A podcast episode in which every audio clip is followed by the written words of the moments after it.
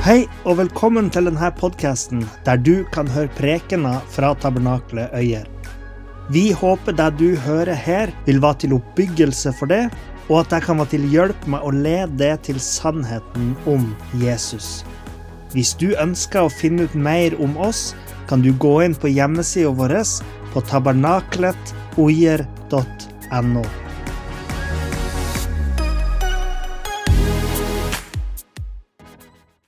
Athanasius av Alexandria sa hvis verden er mot sannheten, da er jeg mot verden.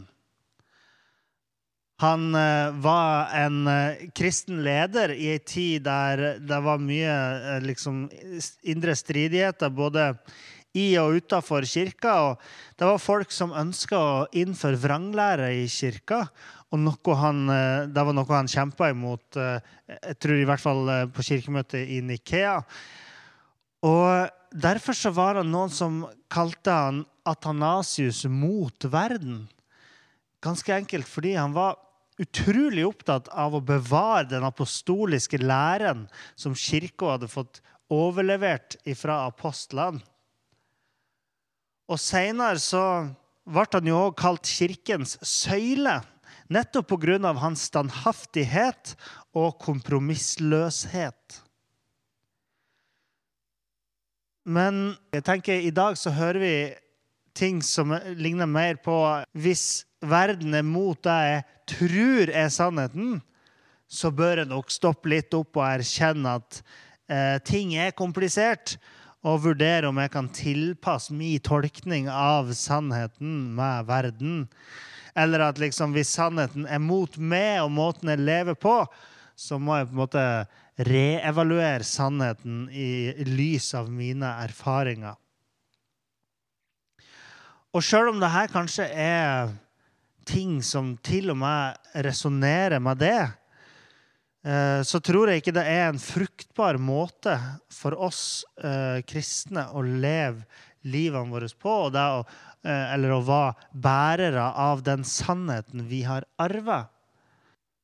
Og jeg skjønner at Atanasius sine ord kan høre streng ut i våre moderne ører. Men allikevel så tror jeg han er et forbilde for mange av oss i dag eh, om at vi skal ta vare på de overleveringene vi har fått i Guds ord.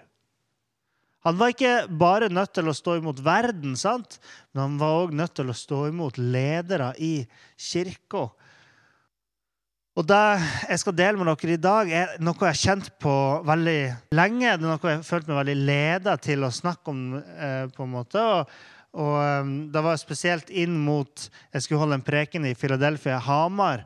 Uh, og, og, og, jeg kjente veldig jeg skulle ta med det her. Jeg fikk et syn på et bønnemøte her inne som, som jeg, jeg, bare fikk ikke lagt det ifra meg. Jeg tenkte på det og tenkte på det. Og kjente at dette var noe som jeg skulle, skulle forkynne om i, i Hamar. Og, men jeg har òg lyst til å dele med dere. Og Dere som kjenner meg, vet at jeg driver ikke og kaster rundt meg med visjoner og profetier. Men innimellom så opplever jeg at Gud minner meg om ting og taler til meg på forskjellige måter. Og Denne gangen så skjedde det gjennom et syn eller et bilde. Og Det var ikke noe sånn ekstremt med det. Det var ikke sånn at jeg på en måte ble som Paulus, at det ble rykka opp i himmelen, eller at jeg fysisk så et bilde foran meg. Men det var et veldig spesielt bilde som jeg så veldig tydelig for meg i tankene mine.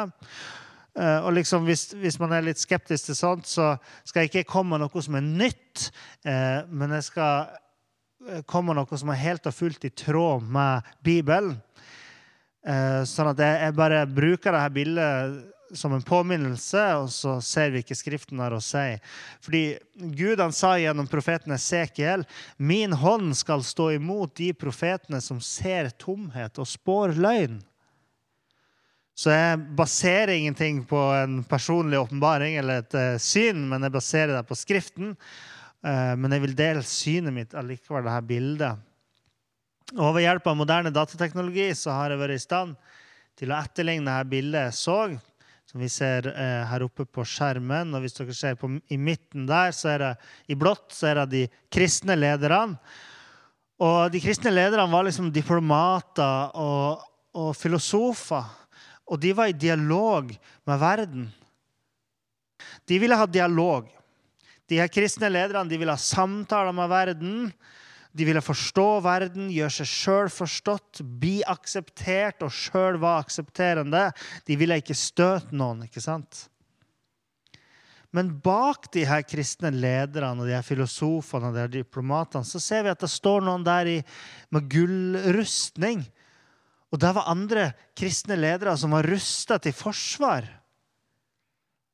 De var som Atanasius. De ville forsvare, men de ble holdt tilbake av sine egne fordi deres metode kom til å være for hard, for direkte, for polemiserende, for støtende. Men verden hadde ingen intensjon om å ta imot de kristne med åpne armer og elske de, beskytte de og omfavne de. I stedet for så lot verden sine egne ødeleggende krefter slippe fri på menneskene, så det òg ramma de troende. Og eh, det er jo det som er så utrolig skummelt da, med denne tilnærminga. At man ser seg blind på de farene som faktisk er der. Og En amerikansk teolog som heter Kevin de Young, han skrev i en av sine bøker om sju trinn mot det å bli en såkalt progressiv eller liberal kristen. Uh, han skrev at det er taushet. Altså, Vi snakker ikke om synd og helvete fordi vi vil fokusere på Jesus. Uh, og så her har du problematisering. Der de sier abort er et komplisert tema. Så er det nedgradering av visse tema sin betydning. Det du tror Bibelen sier synd, er ikke så alvorlig. Så det er relativisme. Har Gud virkelig sagt? Man begynner å stille spørsmål ved alt. og Fins det en sannhet? Vektlegging av lettspiselige tema. Gud er kjærlig og inkluderende, og Hans nåde bekrefter mitt liv. Og så er det subjektive erfaringer blir tolkningsrammer for å forstå virkeligheten. Og der sier man sånn Du har ikke opplevd det jeg har opplevd, så du kan ikke uttale om det her. Når det gjelder f.eks. abortspørsmålet, så sier, sier, man du har aldri hatt en abort, så du kan ikke si noe. Eller du er ikke ei, ei dame, så du har ikke rett til å uttale det. Og til slutt så er det at Kirken aksepterer og omfavner nye læresetninger. Og man sier at man skal rive ned Kirkens vegger, sånn at alle føler seg inkludert. Men det er jo på bekostning av at når man river ned veggene og tar bort alle grenser, så er det ikke lenger noen kirke å snakke om. Og det er farlig når kristne ledere tviler på sannheten eller gir etter for følelser framfor Guds ord, når de forfører folk med lære som ikke er god og sunn for menigheten, eller at de intensjonelt utnytter sin posisjon for egen vinning. Og det er farlig, fordi ledere har påvirkningskraft. Folk følger dem. Og selv om denne progresjonen som Kevin de Young har laga, eh, det handler jo hovedsakelig om, å, om veien mot å bli liberal eller eller eh, progressiv, som er mer eller mindre det å følge tidsånden, eh, så er det jo sånn at farlige kristenledere kommer i mange andre former òg. Så jeg snakker ikke bare om eh, liberale her, men jeg snakker òg om loviske ledere som sier at du blir frelst ved, kun ved å holde alle budene i stedet for at du skal lene deg på Guds nåde. Jeg snakker om sånne overdrevent karismatiske ledere som faktisk seg, lener seg mer inn mot New Age-spiritualitet og okkult åndelighet i stedet for en bibelsk åndelighet. Eh, jeg snakker om pengegriske predikanter som utnytter svake. For det er jo ofte det de gjør. De utnytter de svake for å bygge opp sin egen rikdom. Jeg snakker om eh, ledere som bygger opp liksom en sånn nærmest tilbedelse av seg sjøl i menighetene. Jeg snakker om lunkne ledere som ikke bryr seg eller ikke tør å ta tak i en surdeig i menigheten før den ødelegger hele deigen. Jeg snakker om overdrevent pragmatiske ledere som heller lar lettvinte eller menneskelige løsninger stå over Guds ord.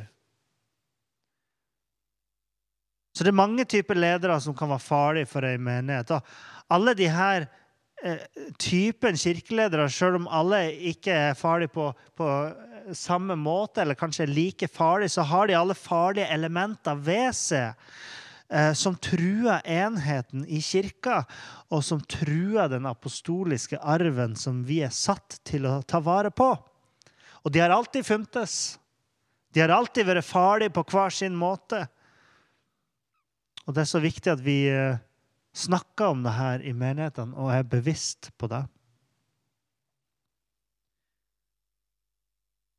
Det her eh, berører jo så klart eh, min tjeneste òg. Det kan jo hende at dere vil kaste meg ut etter å ha hørt denne preken. Nei, men det berører jo meg og min tjeneste òg. Jeg er jo innsatt som pastor her, og, og jeg har jo andre vi er jo flere ledere her i menigheten òg. Og man tror jo kanskje da at en pastor bare skal være sånn som det her, på det her bildet. Det er jo sånn man ofte ser for seg en hyrde. ikke sant? Man, man holder lammet. Eh, det er fryd og gammen. Det er å ligge i grønne enger. Det er å fære til hvilens vann og alt det der. Jeg og, og Bjarne vi eh, for jo til hvilens vann her om dagen. Det var jo veldig fint der. Nei da. Men, men det, her, det, det, er jo en del av å være en hyrde òg, og det er jo det å, å, være sammen med flokken og ha det fint. Men så kanskje man glemmer at en viktig del av hvorfor man trenger hyrder, er det her. At, at vi må være som David som slåss mot løver og bjørn, og som Jesus som sto imot de skriftlærdes vranglære, og som konfronterte demoner og kasta de ut av folk.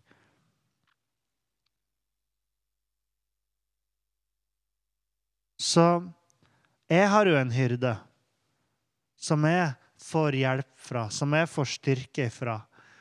Uh, og jeg opplever at Gud eh, er, min hyrde, og at jeg fylles med, med kraft til å stå i, i tjeneste. Og, og, han fyller meg med en kjærlighet for menigheten vår. Så jeg må jo si det, er jo, jeg er utrolig glad i denne menigheten, i dere. Og, og, jeg bruker å si det når folk liksom spør meg hva jeg driver med, og sånt, og hvordan er å være pastor, så sier jeg ja, jeg elsker, elsker flokken her.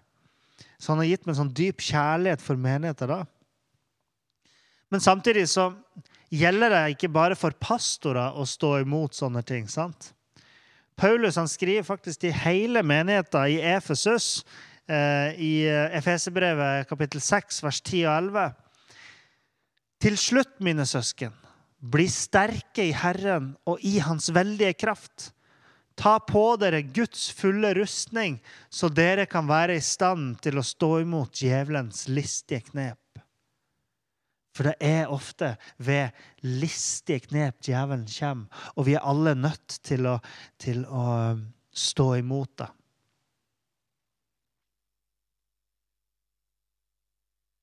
Jeg sier jo da at kirka er som et levende museum. Og, og da mener jeg at ideelt sett så skulle det ha vært sånn at en kristen fra den første kirkens tid kunne komme her til, på besøk i vår menighet i dag, til vår moderne kirke, og liksom kjenne seg hjemme her, eller kjenne seg igjen her. Og nå er jo kanskje kulturforskjellene såpass store at, at uh, det ikke ville ha skjedd. At de syntes at mange ting var, var merkelig med måten vi gjør ting på. Men, uh, men tanken er jo at det skal være en tro og en grunnvoll i den troen, nemlig Jesus, som er konstant på tvers av tid og sted.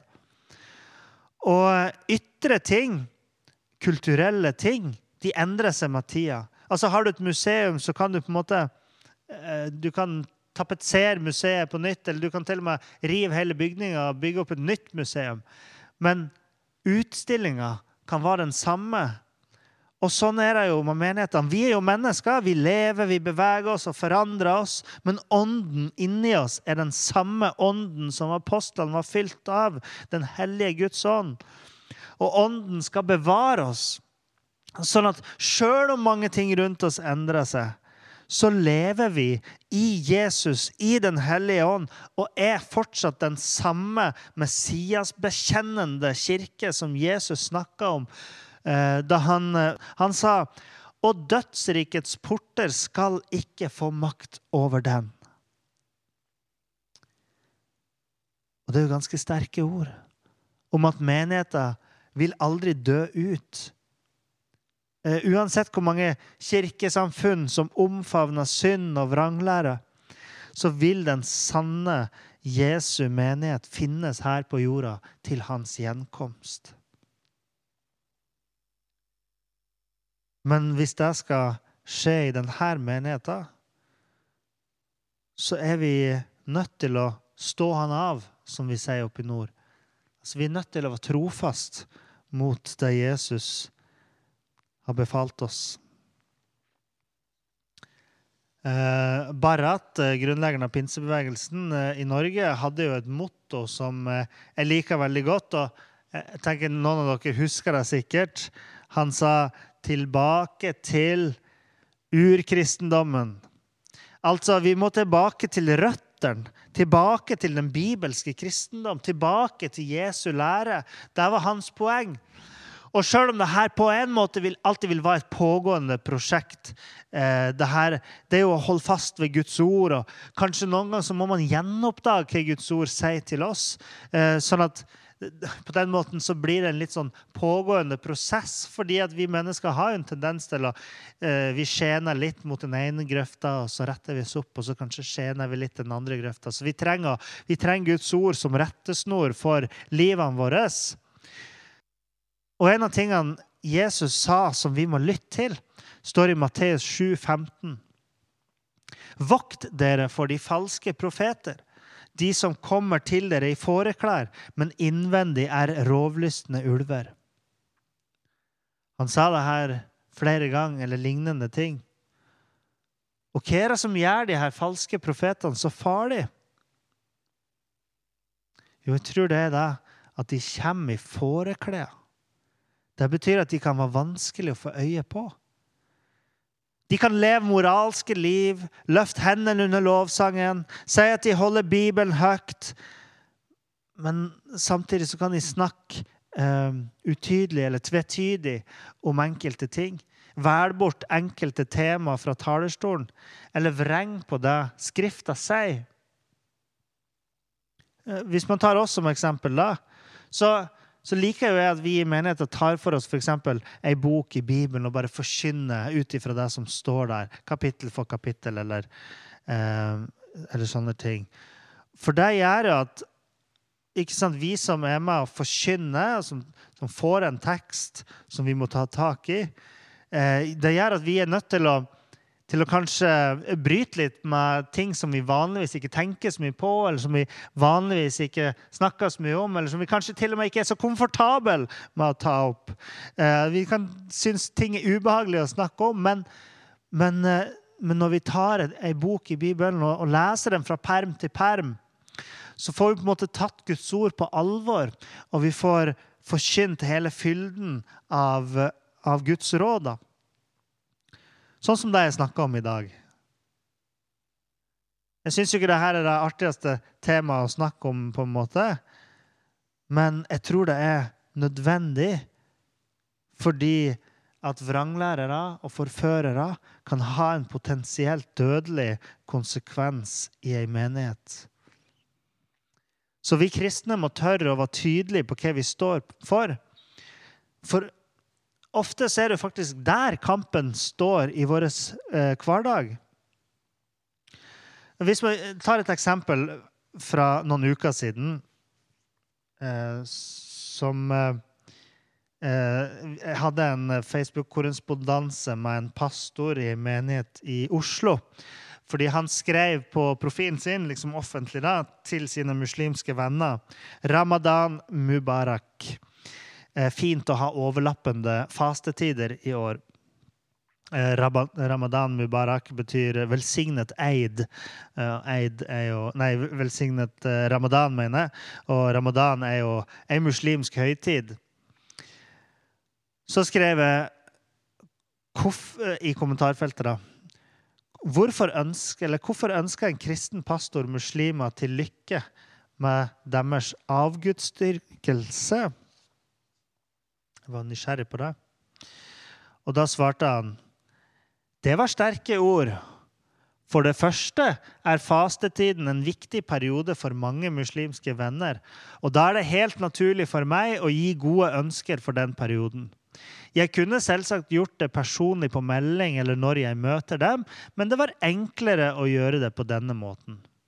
For det andre er fastetid en praksis vi kristne og muslimer har til felles, der muslimske venner og bekjente har gode og relevante praksiserfaringer som jeg har kjent resonnerer hos meg.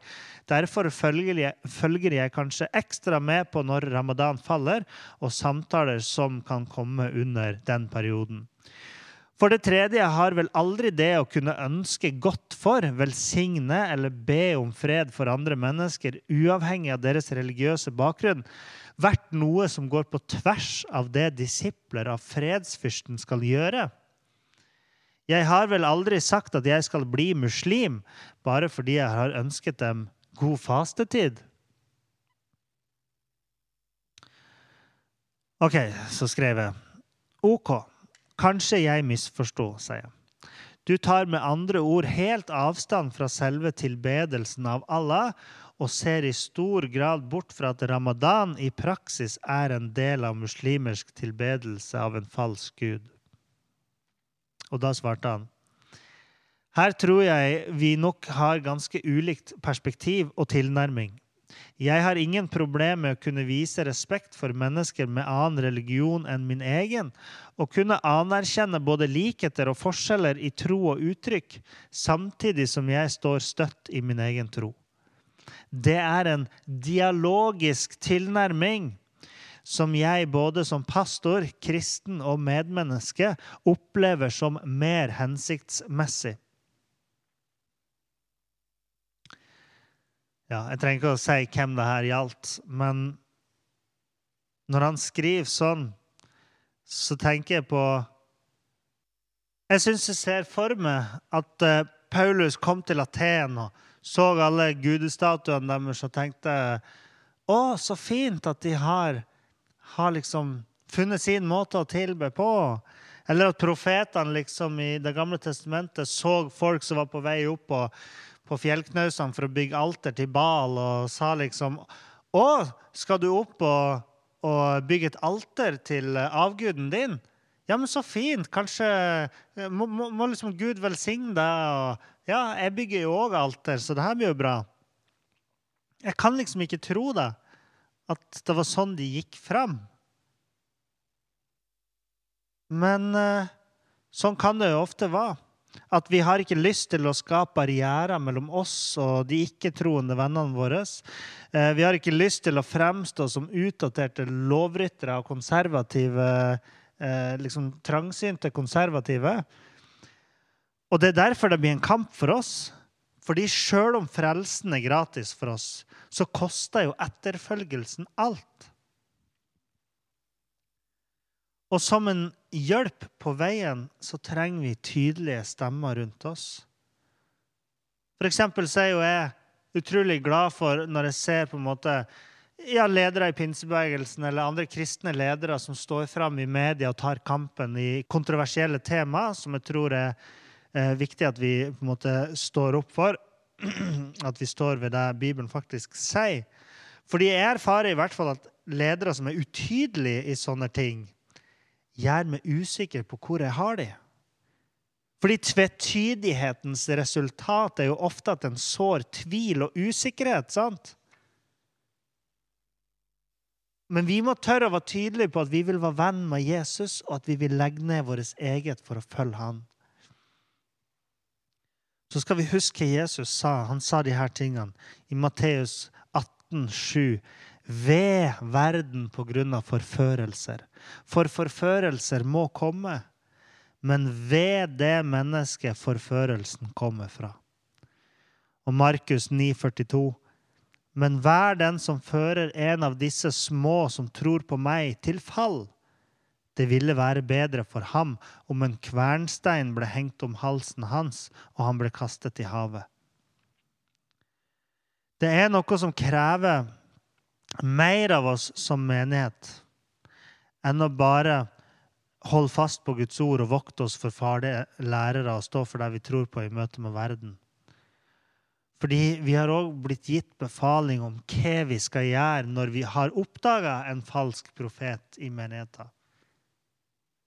Det står f.eks. i Rombrevet 16,7.: Nå formaner jeg dere søsken. Legg merke til dem som skaper splittelsene og er årsak til frafall fra den lære dere er blitt undervist i. Ta avstand fra dem. For de som er slik, tjener ikke vår Herre Jesus Kristus, men sin egen buk. Med glatte ord og smigrende tale forfører de hjertene til de godtroende. I Titus 3.10 så står det et menneske som skaper splittelse ved sin vranglære, skal du avvise etter å ha formant ham en og to ganger. Da du vet at en slik person er på villspor og lever i synd. Han har fordømt seg selv. Og hvilke upopulære vers det her er! Hvilke utdaterte vers! Det kan vel ikke være sånn at vi skal følge det her i vår tid? Vel, nesten alle skriftene i Det nye testamentet, så å si alle skriftene i Det nye testamentet, sier noe om og advarer mot falske profeter, vranglærere, antikrister. Og vi kan ikke bare stryke de her versene ut av Bibelen pga. at vi har en eh, sensitivitet, en kulturell sensitivitet i vår tid. Eh, eller fordi kanskje sånne vers har blitt misbrukt tidligere.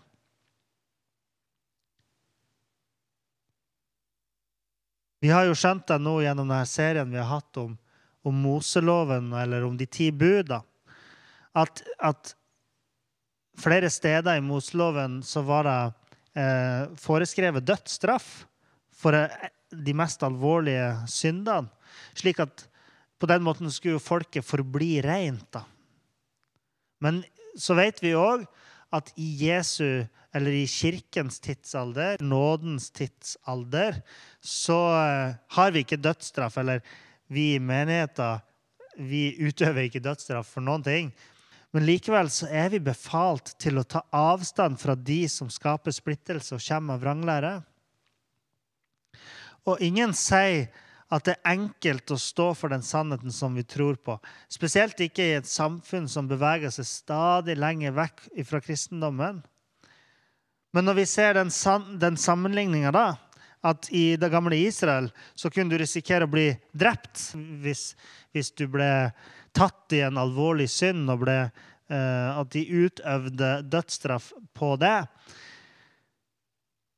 Men i dag så tåler vi ikke engang å høre om at noen blir eh, formant i en menighet, nesten. Vi tåler ikke at noen blir Hvis det kommer en tydelig falsk profet, så tåler vi ikke at man kan si du kan ikke forkynne her, du kan ikke stå på scenen her, du kan ikke være i dette miljøet. Og ikke misforstå meg, vi forventer på ingen måte at alle skal være perfekt. For det er ikke det dette handler om. Eh, Frank Turek han eh, sa at kirken er et sykehus for syndere. Det er ikke en golfklubb for helgener. Kirken er et sykehus for syndere. Det er ikke en golfklubb for helgener. Og det er jo helt sant. Alle skal kunne komme og høre evangeliet og få muligheten til å bli kjent med Jesus i våre menigheter.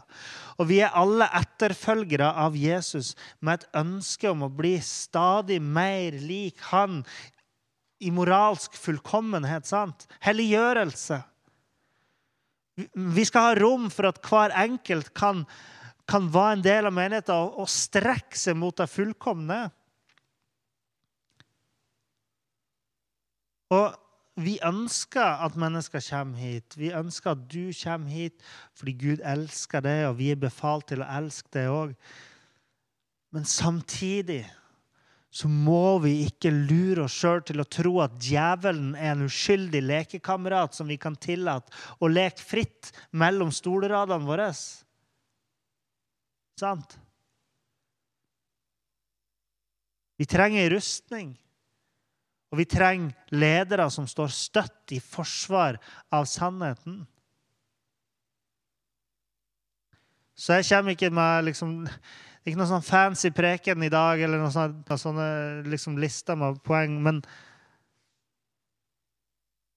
men uh, jeg tror det er så viktig at vi snakker om det likevel. At vi står i sannheten.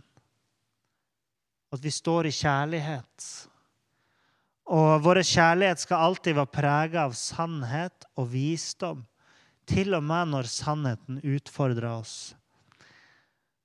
Jeg vil eh, avslutte med det Paulus skriver i Efesebrevet kapittel 4, vers 15.